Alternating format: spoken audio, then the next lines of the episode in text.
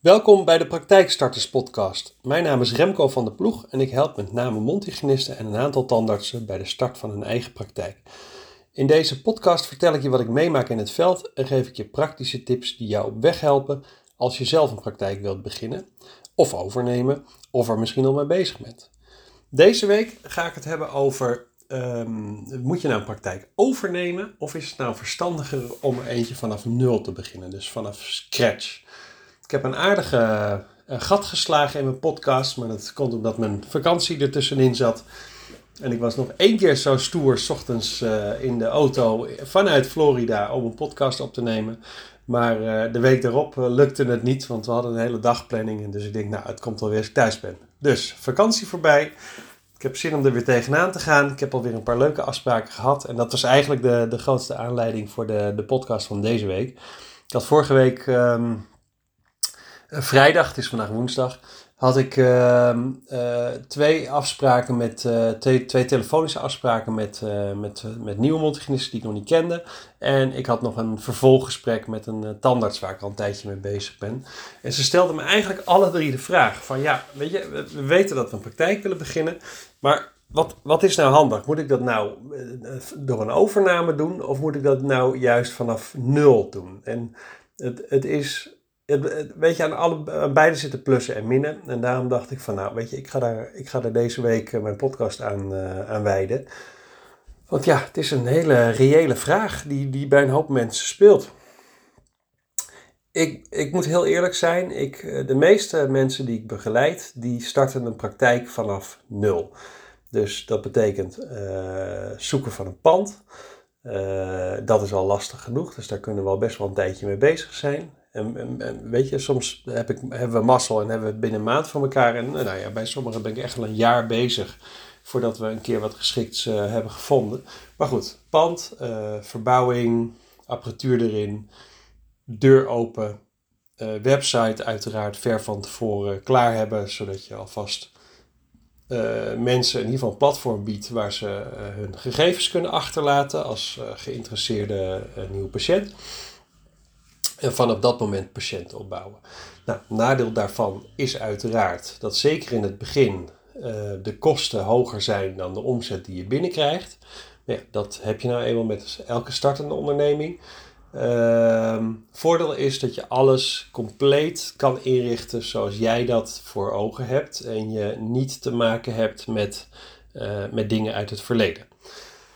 Dus dat is eigenlijk de voornaamste reden waarom mensen zeggen van nou weet je, ik, ik, uh, ik, begin wel vanaf scratch, uh, vanaf nul. En dat is wel even pittig in het begin, maar uh, anderen kunnen dat ook, dus waarom ik niet? Nou, um, een tweede aspect om vanaf nul te beginnen kan ook een, wederom een financieel ding zijn. En waarom een financieel ding? Kijk, een overname daar is uiteraard geld mee gemoeid. Uh, enerzijds, kijk, je hebt een paar componenten zitten daarin. Uh, je, soms een pand, komt niet vaak voor, maar soms wordt ook het pand mee verkocht.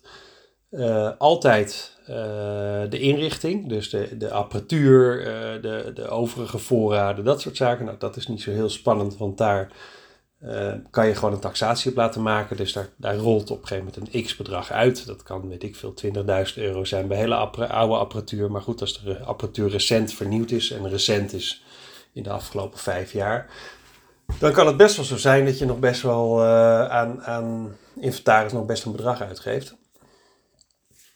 Uh, en de laatste component is goodwill. En goodwill is eigenlijk het lastigste component, want daar kan je niet zo heel veel. Uh, daar is niet echt een pijl op te trekken. En goodwill is eigenlijk uh, wat je betaalt voor de naam van de praktijk in de markt en daarmee dus eigenlijk voor de patiënten die de praktijk al heeft.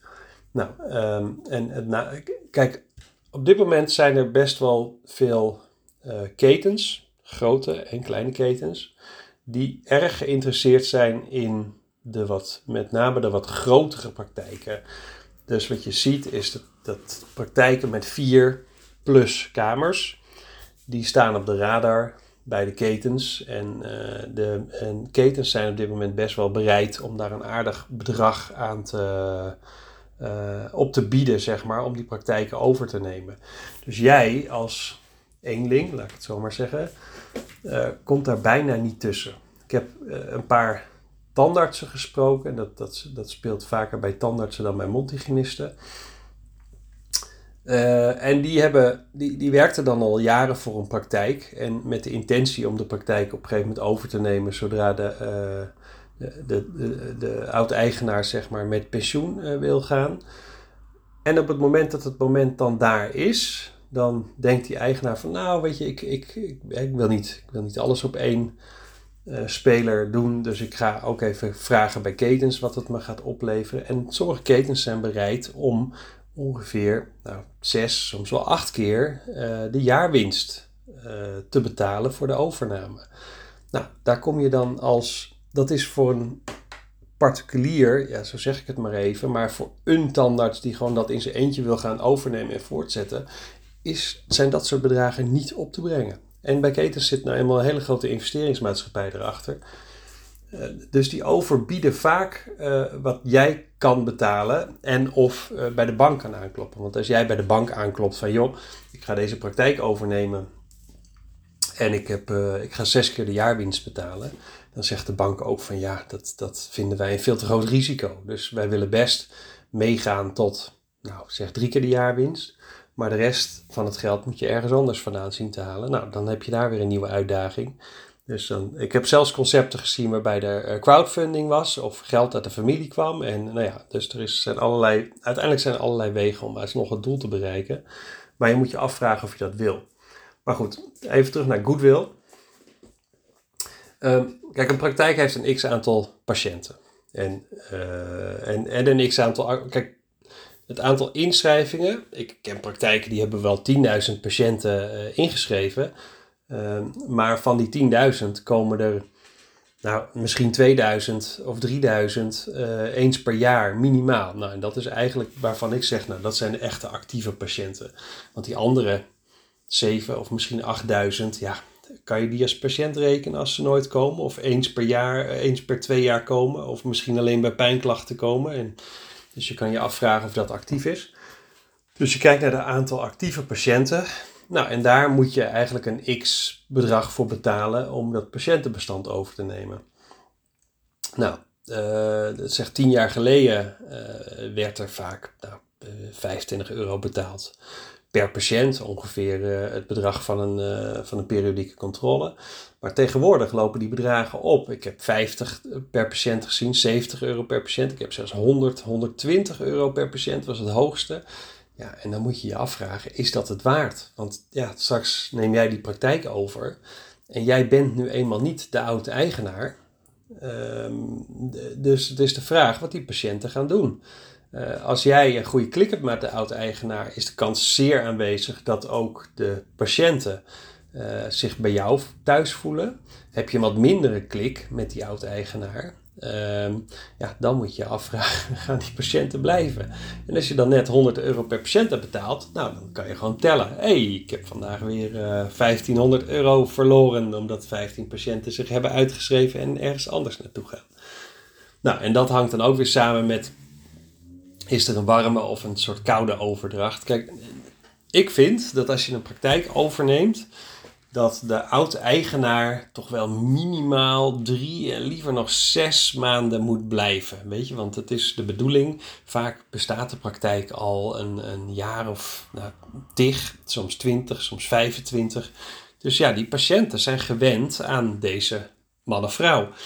Ehm, als jij daar vanuit het niks binnenkomt, dan is het fijn als de oud-eigenaar jou in ieder geval kan introduceren bij de patiënten. Van joh, nieuwe eigenaar, eh, bla bla, even goed, heel verhaal.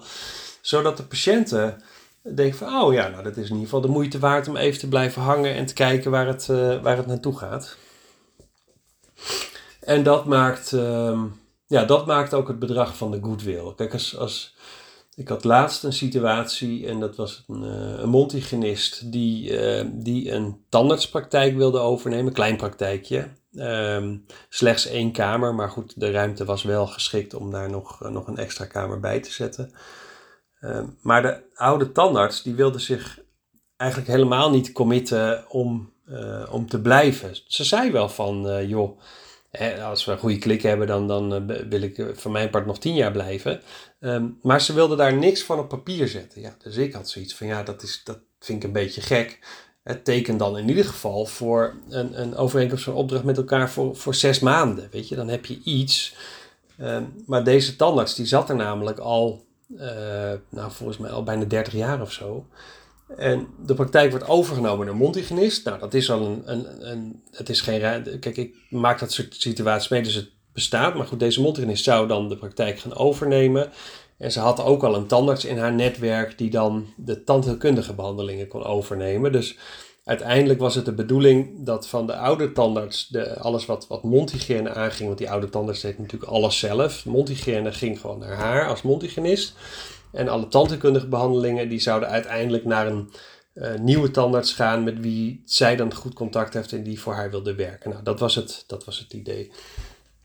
Maar omdat die tandarts zich helemaal niet wilde committen uh, om daar te blijven, zeg ik van ja, dan, dan gaan wij natuurlijk geen, uh, geen 100 euro per patiënt betalen. Dan, dan ga ik liever 40 euro per patiënt betalen. Want de kans dat ze ergens anders naartoe gaan, ja, is, is zeer aanwezig.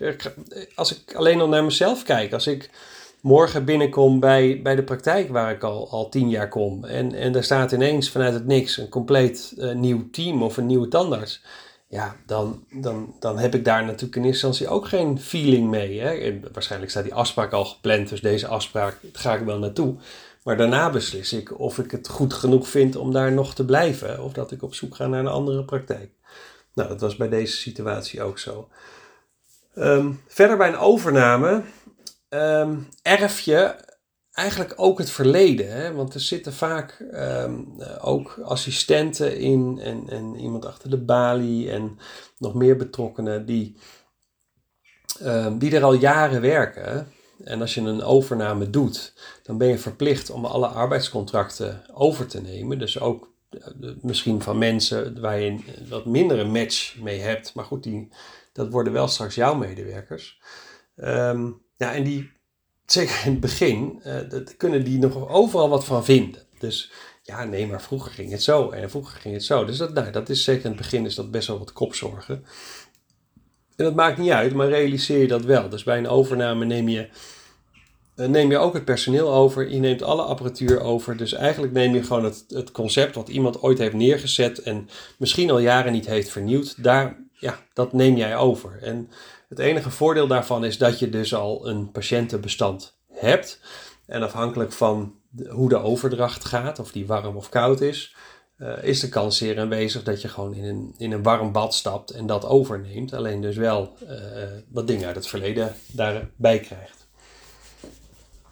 Nou, en daar moeten veel mensen. Nou, de, en de reden waarom de meeste mensen die ik spreek uiteindelijk niet voor een overname gaan, is uh, omdat de, de bedragen die op dit moment betaald worden om een praktijk overneem, uh, over te nemen zo gigantisch zijn dat ze zeggen: ja, weet je, ik moet nu uh, 125.000 euro betalen voor, voor slechts 900 patiënten en oude apparatuur en ik moet de hele boel verbouwen. Dan kan ik beter die 125.000 euro besteden aan. Um, aan, aan, een, aan een nieuwe praktijk en in de verbouwing stoppen of in de apparatuur stoppen. Maar ik, ik heb het idee dat die 125.000 euro daar beter op zijn plek is en beter geïnvesteerd wordt dan dat ik die oude meuk overneem van die oude praktijk. Nou, dat is, dat is hoe, het, hoe het gaat. Maar goed, ik begeleid zowel uh, praktijken die vanaf nul starten als de mensen die willen overnemen. Ik verkoop geen praktijken. Ja, zo nu en dan komt het eens op mijn pad. Ik had laatst een... Een mondhygiënepraktijk. Uh, waarbij ik contact had met een dame die met pensioen wilde. En toevallig werd ik gebeld door iemand anders die op zoek was naar een praktijk. Dus ik heb A en B bij elkaar gebracht. En uh, ik ben met beide partijen gaan zitten. En uiteindelijk ben ik als enige adviseur. Heb ik gewoon alles in goede banen geleid. Inclusief alle officiële documenten. Uh, en binnenkort heb ik zo'nzelfde gesprek, ook een mondhygiënepraktijk die verkocht moet worden. Ze weten al iemand die de interesse heeft om het te kopen. Dus ik ga kijken of ik daar dan als, als, als adviseur tussen kan gaan zitten en beide partijen kan bedienen op dat moment. Maar dat hangt ook een beetje met, uh, samen met hoe die mensen met elkaar omgaan.